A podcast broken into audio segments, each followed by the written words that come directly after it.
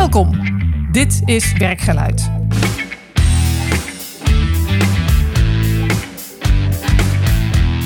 Mijn naam is Marjolein Veringa en ik ga iedere podcast in gesprek met leiders over belangrijke momenten in hun werk. Om er zelf van te leren en ik hoop jij ook.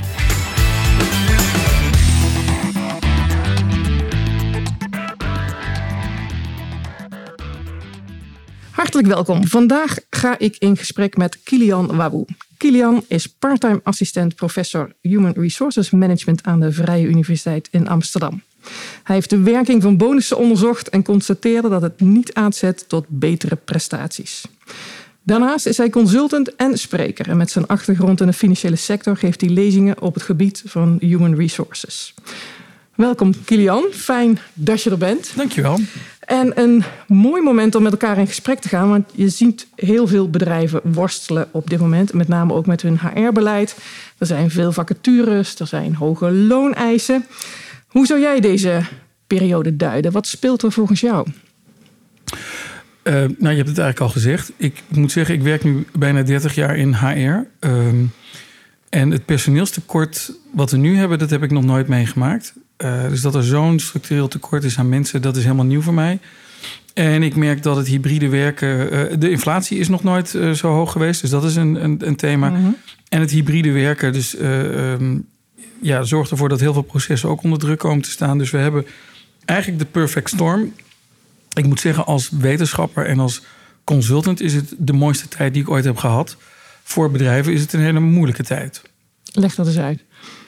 Ja, nou, als het om uh, uh, compensatie van inflatie gaat, nou, daar kunnen we een aparte podcast over maken. Maar hoe ga je om met stijgende prijzen? He, dus het inkomen wat je je medewerkers geeft, is gewoon niet meer waard wat het een jaar geleden was.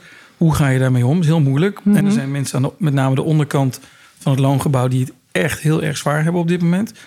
Dat geldt ook voor het hybride werken. Er is gewoon een deel van Nederland, daar gaan we het zo wel over hebben, die echt de rekening betaalt, die, die daar heel moeilijk mee hebben. En er zijn bedrijven die gewoon niet meer functioneren wegens personeelstekort. Ja, ja want je ziet nou bijvoorbeeld NS, die kondigde, wat is het gisteren of vandaag aan, we gaan ook kantoorpersoneel uh, als assistent-conducteur aanzetten. Nou, dat zijn al ja. Nou ja, maatregelen die we niet veel eerder hebben gehoord. Uh, als je ook kijkt naar de bedrijven die met al deze problemen zitten, waar zouden zij nou het, uh, waar zouden zij moeten beginnen? Hoe, hoe pak je dat aan? Hoe, ja. hoe kijk je daarnaar? Ik zou beginnen bij het beloningsbeleid, omdat dat uh, beloning is eigenlijk een hygiënefactor. Mensen moeten voldoende betaald krijgen voor het werk dat ze doen. Uh, en, en zit daardoor, uh, hoewel gevoelig, iets minder ingewikkeld in elkaar dan hybride werken of het aantrekken van nieuw personeel. Nou, wat is nou een redelijk inkomen en, en hoe moet je er nou omgaan met inflatie? Nou, mijn, mijn advies zou zijn, is ten eerste, uh, ga nou niet zeggen dat je het gaat compenseren. Want het woord compenseren doet eigenlijk vermoeden dat je uh, uh, letterlijk iemand schadeloos gaat stellen. En dan krijg je allemaal individuele discussies. Want iemand die vijf kinderen heeft, die allemaal heel vaak moeten douchen, heeft veel meer last. Of, of een, een, ja. een, huis wat niet te isoleren valt, heeft veel meer last van, van energieprijzen dan iemand anders. Bovendien laat ik voor mezelf spreken. Mijn energiecontract is op het moment dat dit uh, deze podcast wordt opgenomen, is nog een jaar geldig. Ik heb nergens last van. Dus als iemand mij gaat compenseren, ja, bedoel, stort voor geld op mijn rekening, maar ik heb het niet nodig in de zin van dat ik gecompenseerd moet worden. Dus ik zou het eerder een tegemoetkoming of een extraatje noemen. Mm -hmm. Maar gewoon qua verwachtingspatroon zou ik zeggen, heb het over niet over uh, compensatie. Dat is één. Het tweede is iemand die een laag inkomen heeft, heeft relatief veel last van inflatie. Om twee redenen. Omdat als je nou eenmaal niet zo rijk bent, dan is iedere gang terug is gewoon al lastig. Dus een, Heb je meer last in, van eigenlijk dan? Precies, ja. iemand in de bijstand die in één keer onverwacht 100 euro moet betalen... heeft hoe dan ook een probleem. Dus onderaan is er gewoon al meer financiële stress. Dat is één. En twee, de uitgaven van iemand onder in het loongebouw... gaan volledig op aan zaken die uh, inflatie onderhevig uh, zijn. Um, uh, dus als je 12.000 euro per jaar verdient... dan ga je ook 12 uitgeven allemaal eten, drinken, woonlasten, et cetera. Mm -hmm. Um, dus die heeft er veel last van. Iemand die tien keer zoveel verdient, 120.000 euro, die geeft heel veel van dat geld helemaal niet uit. Uh, sowieso geeft het niet uit. Het gaat op een spaarrekening. En die rentes gaan alleen maar omhoog. Dus in die zin heeft die persoon er sowieso minder last van. En je geeft je geld uit aan zaken die uh, gewoon minder inflatiegevoelig zijn. Ja, of je gaat een weekendje niet weg, wat minder impactvol exact, is. Exact. Ja. En je hebt nog keuzes. En onderaan het loongebouw heb je helemaal geen keuzes. Je moet gewoon al, uh, boodschappen doen. Die boodschappen zijn duurder. Dus ik zou zeggen, noem het geen compensatie of geen Uh, ja, compensatie is één. En twee, ik zou liever mensen een vast bedrag geven dan een, uh, uh, dan een percentage. Dus als je zegt iedereen, inflatie is 10%, iedereen 10% erbij, dan worden die rijken, ja, die worden nog rijker. veel meer, ja. ja die, krijgen nog veel meer. Dus dat is ook niet helemaal eerlijk. En ik zou het ook eh, incidenteel doen en zeggen, ja, we doen dit eenmalig. eh, in plaats van dat je eh, iedere maand nu een toeslag gaat geven. Want we weten uit onderzoek dat als je iemand weer iets afneemt, dat ze daar veel bozer over zijn dan de blijdschap die ze hadden toen ze het kregen. Dus als je iemand 100 euro per maand geeft, nou, ben ze, zijn ze een Ja, beetje blij mee. Ja, ja. leuk. En dan stop je ermee en dan staan ze op hun achterste benen. Dat is ook wat met, met Schiphol is gebeurd. Mensen kregen een toeslag voor de zomer. De zomer was voorbij. Toen kregen ze minder geld. Toen zeiden ze, ja, we krijgen nu minder betaald. Nee, die krijgt nu weer hetzelfde als wat je had voor de zomer. Je hebt alleen even meer gehad. Maar zo denkt een mens niet. Nee. Die denkt in termen van winst en verlies. En de emotie van het verliezen is vele malen sterker dan de emotie van het winnen. Ja. Dus ik zou zeggen, begin met je beloningsbeleid. Zorg dat je iets doet met die inflatie. Doe af en toe een benchmark om te kijken hoe je zit in de markt. Maar dan heb je het eigenlijk wel een beetje gehad. En dan hoop je dat je een goede werkgever bent, wat, wat dus mensen aantrekt, waarom jij Exact. populair bent. En dat brengt ons op het volgende. Wat doe je nou met personeelstekort? Even het bruggetje met belonen. Met eh, is een beetje flauwe HR-one-liner. Maar als je meer eh, voer in een kippenren gooit, krijg je niet meer kippen. En dat is met, met belonen ook zo. Je kunt wel meer gaan betalen, maar krijg je niet meer verpleegkundigen of leraren van, omdat de pool waarin je vist gewoon steeds kleiner wordt. Er zijn gewoon steeds minder Nederlanders. En dat is een gevoelige term misschien, maar ik bedoel daarmee mensen die een Nederlands spreken. eh, eh, die groep die wordt eigenlijk steeds kleiner. En de enige reden waarom wij nog een beetje op niveau blijven qua bevolkingsgroei is migratie. Ja, en de meeste mensen van uit, die, die geen Nederlands spreken zijn niet zo. eh, eh, hoe heet het, kun je niet makkelijk inzetten in de zorg of in het onderwijs. Of, eh, dus het, het, het structurele personeelstekort eh, neemt in de komende jaren alleen maar toe. En met geld gaan we dat dus nooit oplossen. Nee. Eh, moeten we dan wanhopen of is er wel een, eh, een, een licht aan het eind van de tunnel? Nou, er zijn wel wat lichtpuntjes. Ten eerste eh, moeten we ons bij een aantal dingen ook gewoon afvragen eh, of het nou erg is dat we daar wat minder van hebben. Ik weet dat wat ik nu ga zeggen, ga ik op een aantal tenen staan. Maar als we eh, bijvoorbeeld door energieproblemen minder rozen hebben, of we hebben wat minder horeca, ja, nou ja, misschien kunnen we dat als maatschappij best wel dragen. Eh, Ja, ik ik, ben me ervan bewust dat ik heb mensen hoor die in de horeca werken die me dit heel erg kwalijk zouden nemen, maar ja, dat bepaalde sectoren, dat is ook, weer, dat is ook de markt. Hè? Dus dat bepaalde sectoren eh, dit niet gaan overleven, dat hoort ook een beetje met die vrije markt waar we altijd zo in geloofden. Dit is dan de, de keerzijde daarvan. Maar goed, dat kun je natuurlijk niet zeggen in de zorg. Van, Mhm. eh, maar daar geldt dat we eh, meer zullen in, in- moeten innoveren en wat efficiënter moeten zijn. Ehm, en voor een deel is migratie ook de oplossing. Ja, wordt, Oh, en ook dat is een heel gevoelig punt. Maar misschien ontkomen we daar niet aan. daar wordt natuurlijk wel voor een, een stuk naar gekeken. Ik zag wel dat ze in Indonesië bijvoorbeeld bezig waren om eh, mensen op te leiden en de taal te laten leren. Om te kijken of die naar Nederland willen. eh, Ja. Om zulke oplossingen daarin te zoeken. eh, Exact. daarbij. Ehm, en de, de werkgever zeg maar, die niet in deze twee sectoren zit en denkt: hoe kom ik nou aan de volgende medewerkers? Ja. Nou, dat is misschien een leuk, leuk bruggetje dit. Kun je van, van geld naar, naar personeels- personeelstekort, daar naar hybride werken. Is, eh, om daar alvast dan even op voor te bereiden... is een van de problemen met eh, eh, de huidige eh, werkcultuur... is dat mensen weinig verbinding voelen en relatief veel stress. Dus je ziet dat burn-out en stress relatief hoog is... en de verbinding hier en daar neemt wat af. De verbinding met de werkgever bedoel je dan? Exact. En, Ja. en de verbinding met elkaar. Dus blijkbaar moet het kantoor of de werkplek ook een plek zijn. Dus je moet er voldoende verdienen. Nou, Mhm. dat is een nogmaals hygiënefactor. Het moet genoeg zijn ten opzichte van de markt en ten opzichte van elkaar. En er zijn nog een paar dingen waar je naar kan kijken. Maar voor de rest zou ik zeggen: zorg ervoor dat mensen ehm, eh, eh, niet alleen leuk werk hebben, maar dat ze daar ook uitgedaagd worden. En de waarde van de, de verbinding tussen mensen op het werk, die wordt enorm onderschat. En het geld enorm overschat. Mhm. Dus daar zit eigenlijk wel een twist eh, daarbij die we daarin zouden kunnen gebruiken. Want Ja. we zeiden net al, hybride werken. Een Ja. groot onderwerp op dit moment. We kennen elkaar daar ook van, zeg maar. we hebben ja, ooit waar eens- het ook allemaal roerig niet met elkaar eens kan herinneren. Hartstikke leuk. Gaan we dat nu ook doen? Dat Eh, wie weet, wie weet, wie weet. Wij stonden even voor de luisteraar samen op het podium van een eh, presentatie bij, eh, bij Denkproducties. Hartstikke leuk over hybride werken. Ehm, en leuk om van jou weer te horen hoe je het naar kijkt. Het is alweer een tijdje geleden, dus misschien is het weer wat, eh, wat anders eh, geworden. Eh, inmiddels kan iedereen weer naar kantoor. Want dit gaat met name over kantoor. Als je in de fabriek staat, dan heb je niet zoveel met hybride werken. Eh, mensen kunnen weer naar kantoor. Er zijn meer opties. Eerst gingen we altijd naar kantoor. Wisten we niet anders anders. Toen moesten we thuis blijven. Was dat een feit van het leven. Nu hebben we keuzes uh, te maken met elkaar. En ik lees steeds meer stukjes in. Uh, nou, uh, mensen willen niet meer kantoor. Dus, dat er lege kantoren zijn. Of dat mensen naar kantoor moeten en dan toch nog in zo'n file moeten gaan staan. Um, hoe kijk jij zeg maar, naar bedrijven en, en medewerkerstevredenheid en, en hybride werken? Want dat, dat blijkt een beetje aan elkaar vastgeplakt te zitten. Hoe zie je dat? Om meteen mijn belangrijkste conclusie van mijn eigen onderzoek op hybride werken, op het gebied van hybride werken te delen, is dat wat mij opvalt, is, en dat zit ook in de vraag die je nu stelt, is je bent geneigd om te kijken naar het gemiddelde. En de, de gemiddelde medewerker uh, willen misschien niet meer naar kantoor, of die vinden het uh, onnodig, of die hebben geen zin om in de file te staan. Maar de, de, de essentiële vraag van werk is: van waarom werken we nou eigenlijk in groepen? En het idee mhm. van een groep is dat het niet bedoeld is voor alleen het welzijn van het individu, maar het voortbestaan van de groep zelf. Dus ik weet dat dit heel filosofisch klinkt, maar even vertaald naar de normale praktijk, is, um, het is heel flauw wat ik nu ga zeggen, maar als ik, als ik uh, uh, uh, mijn kinderen en mijn ouders niet meer heb, dan ben ik een stuk efficiënter. Als, ik, als ik mijn kinderen en mijn ouders niet meer heb, dan ben ik een heel stuk efficiënter. Met andere woorden, je zou kunnen zeggen, andere mensen zijn voor mij een last, want ik ben daar tijd mee kwijt. Dus dat mhm. kost mij efficiëntie. Maar zo denk je natuurlijk nooit in de termen van je familie, want je, nou ja, ik ben er omdat mijn ouders mij ooit verzorgd hebben en, en mijn kinderen verzorgen mij ooit. Dus uh, we, we helpen elkaar. En uh, het gaat dus niet om het gemiddelde, maar om de kwetsbaarste of degene die het meeste de hulp nodig heeft van de groep. Zo werkt een maatschappij, zo werkt een gezin. Die is gebouwd rond zijn kwetsbaarste schakel. En niet alleen om rond het welzijn van, van, uh, van de hele groep. Hè, bijvoorbeeld, van het individu dan ook. Van het individu, exact. Dus uh, het hebben van kinderen is misschien helemaal niet goed voor je welzijn. Mm -hmm. Ik, uh, je hebt zorgen en kosten. Zorgen en, houden je uit je slaap en zo. Dus allemaal, ja, dat is allemaal heel erg onprettig. Sterker nog, een, een, vakantie zonder kinderen is een stuk relaxter.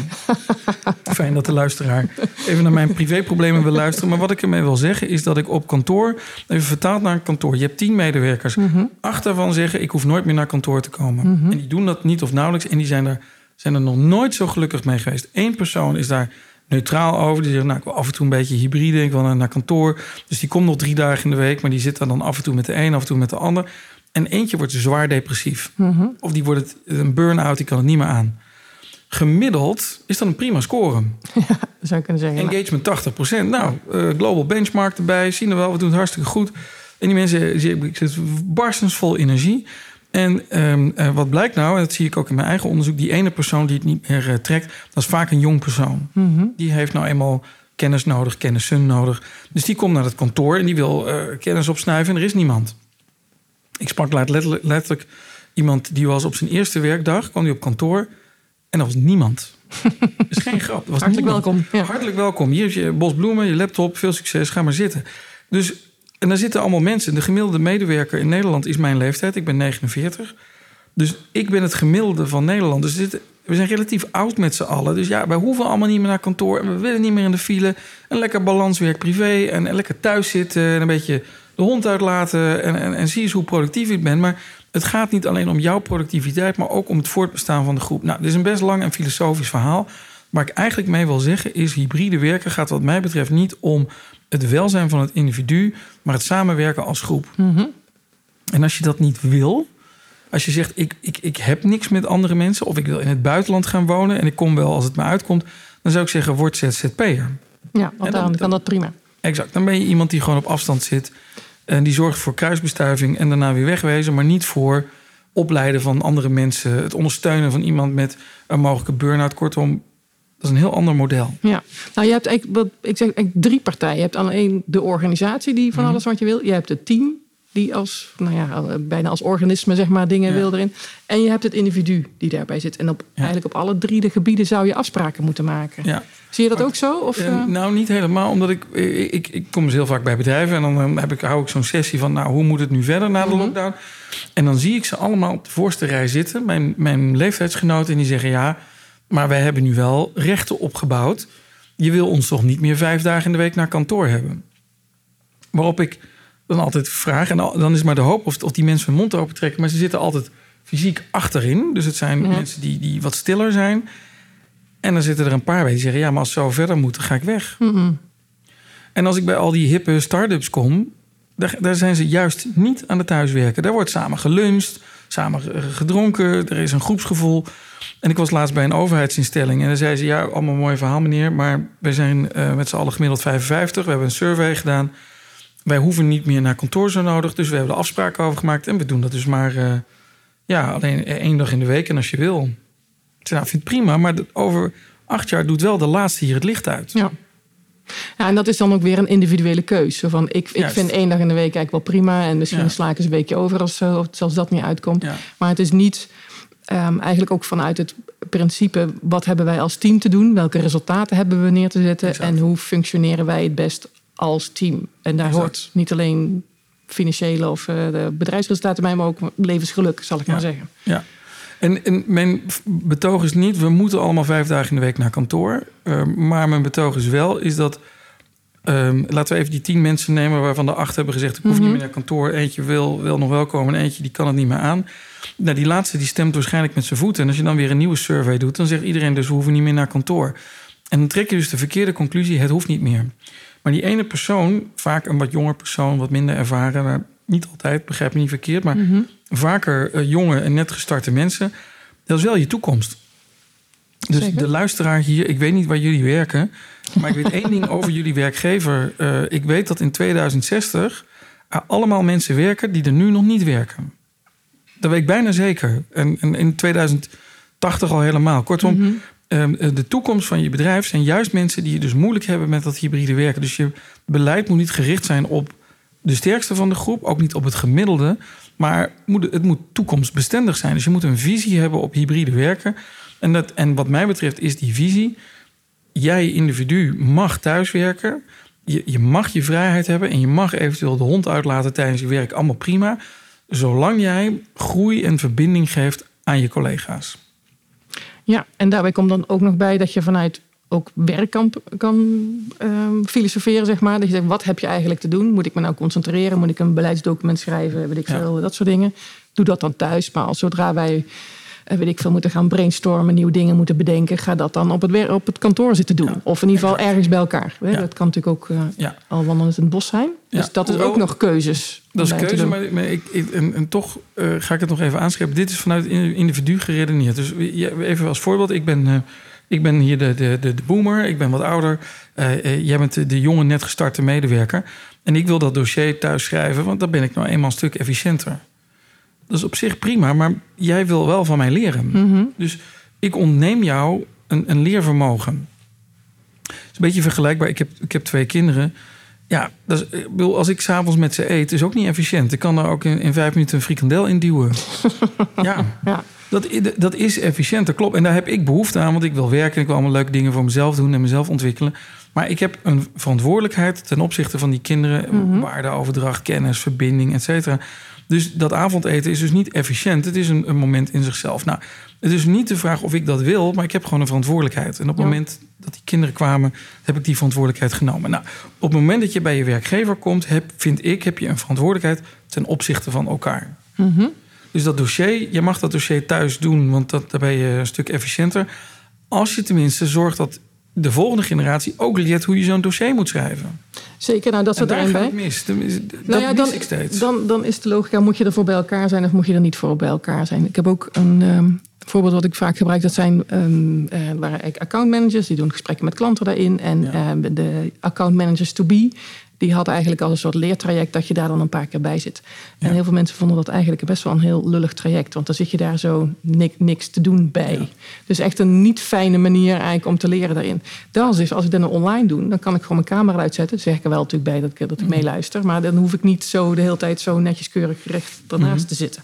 Dus die vonden dat weer een goede oplossing prima, om, om daarin te leren. Dus het is ook, wees creatief in, in wat je met elkaar kan doen. En, en wat dan een goede manier is. Maar dit soort dingen daar natuurlijk wel bij in acht genomen te nemen. Ja, helemaal eens hoor. En als, je, als ik een dossier, of jij werkt dan aan een dossier... en ik ga de hele dag een beetje naast jou zitten...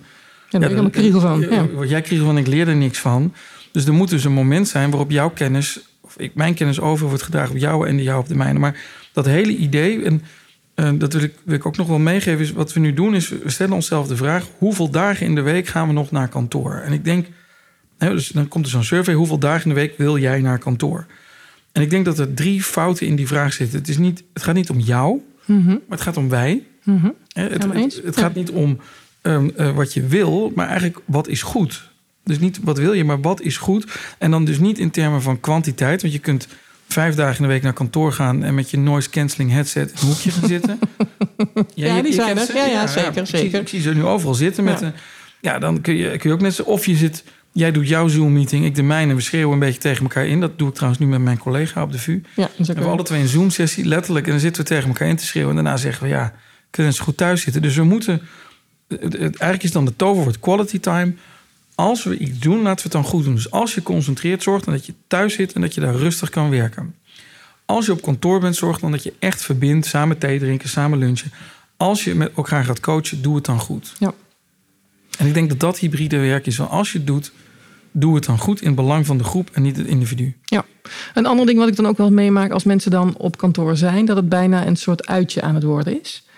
Uh, we, ah, we, gaan wandelen, we gaan lunchen, we gaan, uh, en dan denk ik, kom je nog aan werken toe? Die vind ik, dat vind ik dan ook weer een gemiste kans. Aan de ene ja. kant fijn dat je inderdaad met elkaar bezig bent en connectie maakt. Aan de andere kant zou het wel het mooiste zijn, vind ik dan, om daar wel werk in te, in te doen met elkaar. Ja. Dus niet alleen maar de sociale gezelligheid. Ja, ik hoorde van uh, een, een, niet nader te noemen bank uh, in uh, Zeist.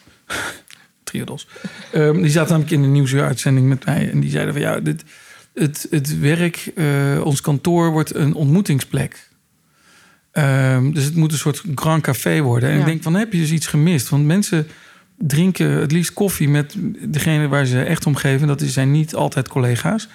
Uh, en die verbinding is heel belangrijk voor het, het opbouwen van vertrouwen, nieuwe netwerken aan, aan boord, et cetera. Maar het elkaar coachen is minstens zo belangrijk. Dus mm-hmm. als er al een metafoor is voor het kantoor na corona, dan is dat niet het, de ontmoetingsplek, maar dan is dat dus een, een, eigenlijk een fitnesszaal voor de geest. Ik weet dat dit een beetje, een beetje flauw klinkt misschien, maar het is een, een kantoor is een plek waar je uitgedaagd wordt, waar jouw personal trainer tegen je zegt: joh, je hebt dit stuk geschreven. Waarom heb je het niet zo gedaan? Of zullen we het zo aanpakken? Dat je, dat je iets leert. Dus een goed kantoor is een plek waar je wijzer uitkomt dan je erin kwam. En niet dat het alleen maar leuk is. Ik zie nu al pingpongtafels en ik, ik zie glijbanen. Ja. Ik zie uh, flipperkasten. Allemaal hartstikke leuk. Maar als ik iets leuks wil doen, doe ik het wel met de mensen die, die ik echt leuk vind. Ja. En dan, ja, dus hooguit voor de ontspanning als je met elkaar uh, exact. dat uh, weet. Exact. En je zei het al net al over leren. Uh, want je bent ook nog assistent-professor Mhm. bij, de, bij de VU. Um, daar zat namelijk ook wel veel over te doen. Hoe, hoe gaat dat bij studenten? Geef jij al jouw lessen online? Moeten ze naar uh, VU Nou, komen? Hoe, uh, hoe kijk Het je is een heel daarnaar? gevoelig onderwerp. Ik had vandaag mijn eerste college in de reeks eh, voor tweedejaars. Ehm en ik, had, ik heb besloten dat dus één les is online. Dus die, die neem ik op en die staat op YouTube. Eh, daar zijn ze tegenwoordig blij mee. Want wat doen die studenten, wist ik helemaal niet. Die zetten het allemaal op dubbel tempo. dus het wordt, het Je wordt praat echt... te langzaam. Nee, maar dat is. Dat is uh, uh, nou, eentje kwam laatst naar me toe met een heel compliment. Ik zet je niet op dubbel tempo. En ik snapte echt niet waar het over ging. Maar het, het, het college wordt gezien als, als eigenlijk het, het, uh, het, ja, het nemen van een shot kennis. Mhm. Gewoon zo snel mogelijk alles opnemen. Maar ja, daar verder niet, niet tot nadenken aanzetten. Maar gewoon zeg maar, wat, zeg maar wat ik moet weten. Kennis stampen. Nou, kennis stampen. En, maar kennis is ook inspireren. En ik, heb, ik zat er dus vandaag uit te leggen aan 400 eerstejaars. Van ja, maar ik wil je ook dat jullie hier komen. Want op dit moment, de mensen die naast jullie zitten, dat, dat is een netwerk wat, wat je hele leven mee moet. Mm-hmm. En verbindingen in, in de leeftijd 18 tot 25 zijn over het algemeen veel sterker dan op mijn leeftijd als je 49 bent. Er komen niet meer zo heel veel echt goede vrienden meer bij in, in de tweede uh, helft van je leven. Um, of zelfs na je dertigste. Dus dat, dat is toch wel cruciaal. Uh, dus kom naar college. En we merken dus nu dat er heel veel studenten zijn... die zijn met geen stok meer naar college te krijgen. Die, die willen gewoon niet meer. Die, die zeggen van ja, maar ik kan, moet ik helemaal permanent komen naar de VU... en dan kun je toch ook streamen? Ja, maar het is ook een ervaring, elkaar leren kennen. En bovendien, ik, ik weet niet of jij het ook ooit hebt gehad... die leraar, misschien vroeg op de middelbare school... of die uh, docent uh, in het hoger onderwijs... Dat je, um, dat je echt geïnspireerd was. Ja, maar dat zijn er altijd maar weinig. Dat zijn er heel weinig. Ja. Helaas, geef ik toe. Um, dus misschien kom je voor, voor die ene kom je misschien wel en voor de andere niet. Klopt. Of maar, maken maar studenten. Je weet nooit wanneer dat is. Je weet nooit wie dat is. Net zoals die persoon naast je is misschien je toekomstige levenspartner. Ja, dat is ook maar één. Maar ja, nou goed. Daarvoor is op zich de universiteit niet. Maar Mhm. mm -hmm. wel het bouwen van een netwerk. En niet alleen voor de lol, maar ook voor de kennis en elkaar uitdagen. en, en, en gelijkgestemden leren kennen. Dus dat is ongelooflijk belangrijk. Dus nu antwoord op je vraag. Wij, wij worstelen in het onderwijs nu met de vraag... hoe moeten we mensen naar college krijgen? En er zijn heel veel, heel veel studenten die zijn onbewust onbekwaam. Dus die weten niet wat ze niet weten. Mhm. En die zien colleges als een Netflix-serie... maar die weten niet dat die persoon naast hun op college... een, een, heel, een heel belangrijk persoon in hun leven zou kunnen worden... of dat diegene naast ze uh, een idee kan genereren wat, wat heel belangrijk is... of een docent die, uh, die je leven verandert. Ik heb een aantal colleges gehad in mijn leven waarvan ik echt denk die. De, het, kwartje viel, alles viel op zijn plek door, door, dat, door dat ene verhaal. Maar moet het dan juist het verhaal zijn? Want dan, ik neem aan als ik bij jou in college zit dat je het niet heel fijn vindt als ik enorm loop te connecten met degene die naast me zit en daar net beste vrienden mee aan het worden ben. Want dat leidt af natuurlijk. Dus zit het hem ook niet in um, juist dan de opdrachten doen um, uh, op ja. universiteit. Of, en dat ik dan wel uh, naar jou geluisterd heb thuis, ja. thuis uh, al dan niet op welke snelheid dat dan ja. moet. Uh, maar dat het te doen is. Beetje hetzelfde zeg maar, wat we net over kantoor zeiden. Van, ja. Doe je concentratie thuis en doe de, alle doe-dingen, samen dingen. Ja. Bij deze dan op de universiteit of de Ja. HBO waar je zit. Ja, dus eh, wat mij betreft is de visie op hybride werken... als je het doet, doe het dan goed. Dus als je bij elkaar komt, doe dan de juiste dingen. Uh, en een deel, en laat ik dan ook zelf kritisch zijn... een deel van het onderwijs wat we geven... ja, dat staat ook online. Ja. Ik merk dat met mijn kinderen, daar worden lessen dus niet gestreamd. Maar ze zitten allemaal op YouTube. Uh, de, de, de, leukste leraar van Nederland die het wel goed uitlegt, daar kijken ze naar. Ja, zeker. Heel herkenbaar. Ja, je hebt meester Gijs en die legt gewoon uit hoe, hoe Engels werkt. Dus je eigen docent die kan er niks van. Ja. Zit je 40 minuten een beetje uit je neus te eten en daarna kom je thuis en luister je naar meester Gijs, dan snap je het wel. Kortom, uh, het, is natuurlijk van de zotte dat wij nu na de pandemie op dezelfde manier lesgeven als we daarvoor deden. Dus moeten ook zelf kritisch zijn of dat, dat er een lerarentekort is dit, dit ligt heel gevoelig wat ik nu gezegd, dus ik Mhm. moet het goed uitleggen. Maar op, op een dag als vandaag, welke dag het ook is, zijn er, laten we zeggen, 400 klassen in heel Nederland die allemaal de Engelse verleden tijd hebben geleerd. Ja. Allemaal, tegelijk, allemaal tegelijkertijd of deze week. Kan dat echt niet iets efficiënter? En als eentje van die 400 ziek is, kan dat nou echt niet anders opgelost worden dan dat ze dan 50 minuten lang in een kamer zitten en dan maar uh, op een iPad gaan uh, zitten hangen? Of iets anders doen wat totaal inefficiënt is. Kortom, het uitleggen van de verleden tijd in het Engels, dat kan prima online. Mm -hmm. Dat doen ze toch al. En dan kom je op school en dan gaan we iets doen wat het toe doet. Want je, school is ook een verbindingsmoment. En, ja. uh, en dan gaan we oefenen en doen. Oefenen, en dan ja. komt er een echte Engelsman. En een paar, jonge, een paar mensen van je eigen leeftijd die alleen maar Engels spreken. En dan gaan we mee oefenen. En dan gaan we iets doen. Um, en dan maken we de stof levend. Maar nou ja, nu naar mijn eigen situatie. Een deel van het onderwijs wat ik geef, dat kan prima in een YouTube-filmpje. Zet hem op drie keer de snelheid als het moet. Gewoon zorg dat je dit even weet. Maar als je op college komt, dan is er een moment van interactie of van inspiratie. Ja, en dat is eigenlijk precies hetzelfde wat we zeiden net bij bedrijven. Exact. Alleen dan een andere look and feel. Doe het dan goed. Ja. Ik heb iemand die komt bij mij op college vertellen over haar eigen burn-out. Uh, en dan kun je speld horen vallen. En in, in YouTube zou je dat nooit meegekregen hebben. En ze vertelt hoe ze een burn-out heeft gekregen en hoe ze terug is gekomen. Een heel emotioneel, heel echt verhaal. En, en de studenten hangen aan haar lippen. En het is ook goed dat ze dan niet connecten. Dus dat moeten we in dit geval op de campus doen. Een werkgroep. En dan moet echt gediscussieerd worden. En een deel wat online is geweest, wat gewoon uh, kennis snuiven is. Ja, en dan kan je misschien zelfs wat beter discussiëren, want dat heb je al in je hoofd zitten. Exact. En dan kan je Exact. meer uh, dingen erin. Maar ja, wat we nu doen, we, ne we, nemen een les op. Ja, die is gemaakt voor face-to-face. -face. Die duurt dus veel te lang. Want dat merk je ook bij die Zoom-calls. Mensen hebben een aandachtspannen online die veel korter is dan face-to-face. -face. Dus als je een, een, een, meeting hebt waar een uur lang wordt gepraat en mensen zitten een uur lang erin, na tien minuten zie je ze al dat ze aan het typen zijn. Mm. Dus we moeten onszelf echt helemaal opnieuw gaan uitvinden. Ja, en dat vernieuwen, uh, dank voor het bruggetje, is natuurlijk hartstikke lastig. Dat is binnen bedrijven zo, dat is binnen het onderwijs zo, dat is binnen de zorg Ja. zo. Um, hoe, hoe kijk je daar naar? Hoe, hoe, hoe kunnen we daar stapjes in zetten? Want nou, waar ik ook dit gesprek mee begon, eerst was, we hoeven er helemaal niet over te denken. We hadden gewoon deze Ja. manier, en de pandemie Ja. hadden we gewoon een andere manier. En nu staat het los. Ja. Dus kunnen we dan, hoe, hoe, hoe vernieuwen we dan? Ja. Nou, laten we eens beginnen met, um, uh, met elkaar te praten over wat we nodig hebben. En, en schaf even het gemiddelde af. Dus we gaan een visie maken op hybride werken. En uh, bij die niet nader te noemen uh, overheidsinstelling, daar was de gemiddelde leeftijd 55 en iedereen was het erover eens. We gaan niet meer naar kantoor. Mm -hmm. Dat is geen visie voor de toekomst.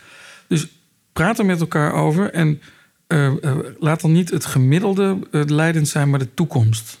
Ik weet, het is een beetje een flauwe one-liner, maar... dus die groep van allemaal 55-plussers die zeggen het hoeft niet meer... moeten ook tegen elkaar zeggen, ja, maar wie gaat het hier daar dan overnemen? Ja. En, en echt, het is ongelooflijk. De problemen die ik nu voorzie over vijf, zeven jaar gaan er zoveel mensen met pensioen. En er zijn gewoon niet genoeg mensen om dat op te vangen. Dus dat, nee, je merkt het nu al. Je belt de huisarts, de, de tandarts. Er zijn gewoon geen, er zijn gewoon niet genoeg mensen. Dus um, praat met elkaar over, dus die verandering, praat er met elkaar over. Maar laat dan niet degene met de grootste mond het, bepalen, maar nou, ook niet het gemiddelde, maar eigenlijk de toekomst. Dat moet het uitgangspunt zijn. Dat moet het uitgangspunt zijn. En de tweede is, dat is ook een hele belangrijke. Alles wat je met elkaar afspreekt op het gebied van hybride werken is tijdelijk.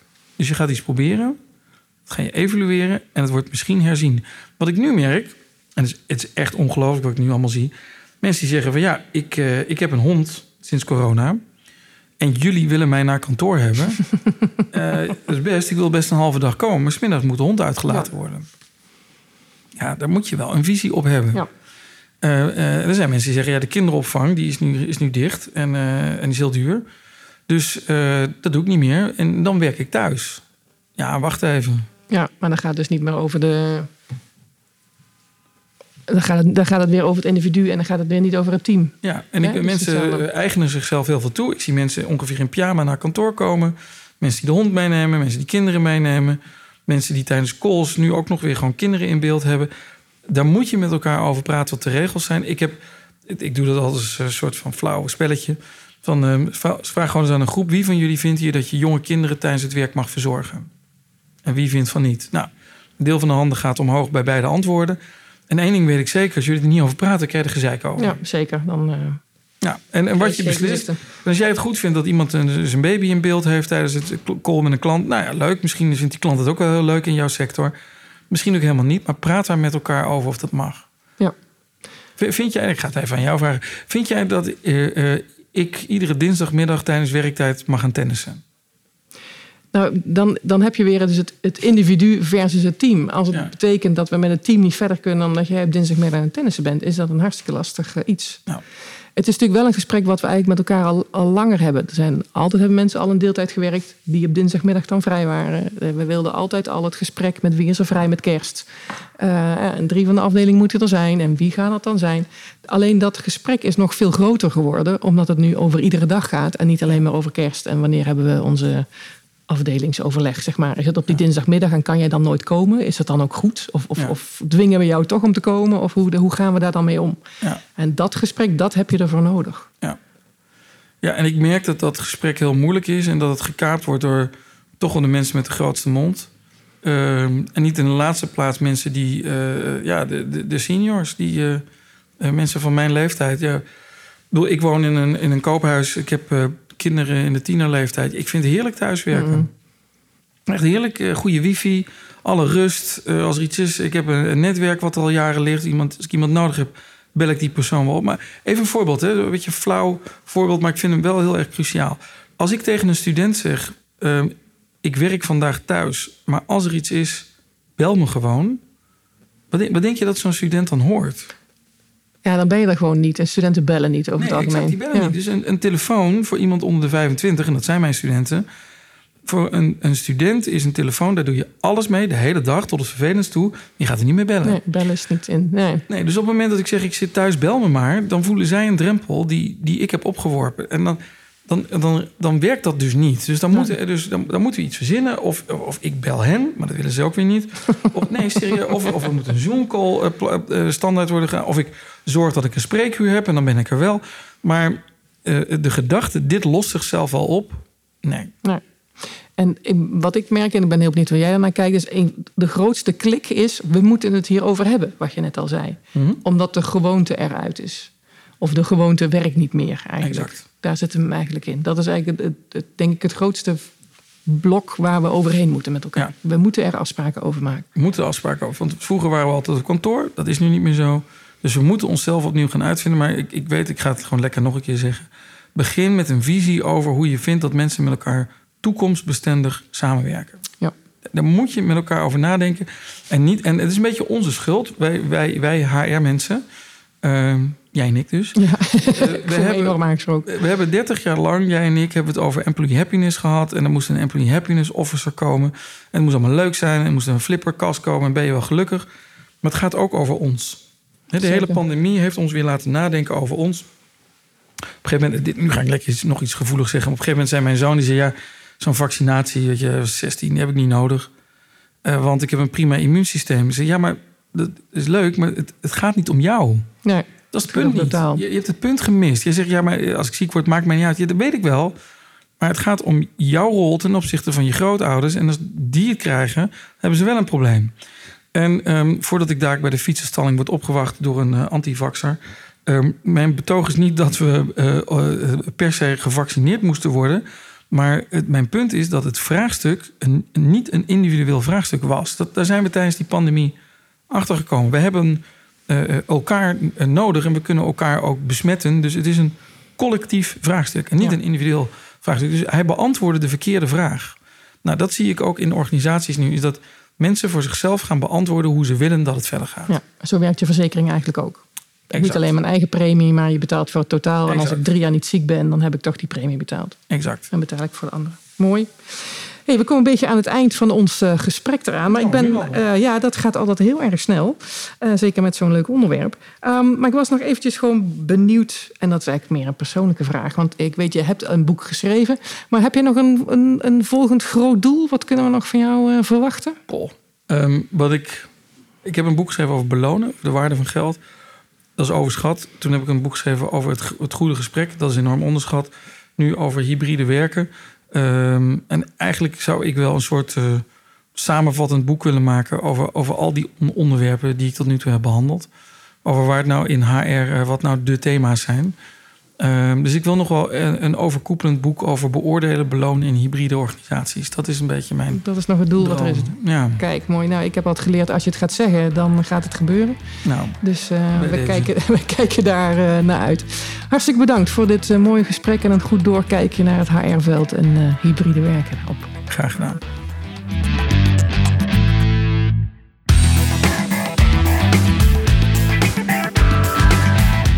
Je meer interesse hebben in leiderschap en effectief werken, ga dan naar de website www.marjolijnveringa.nl. Tot de volgende podcast.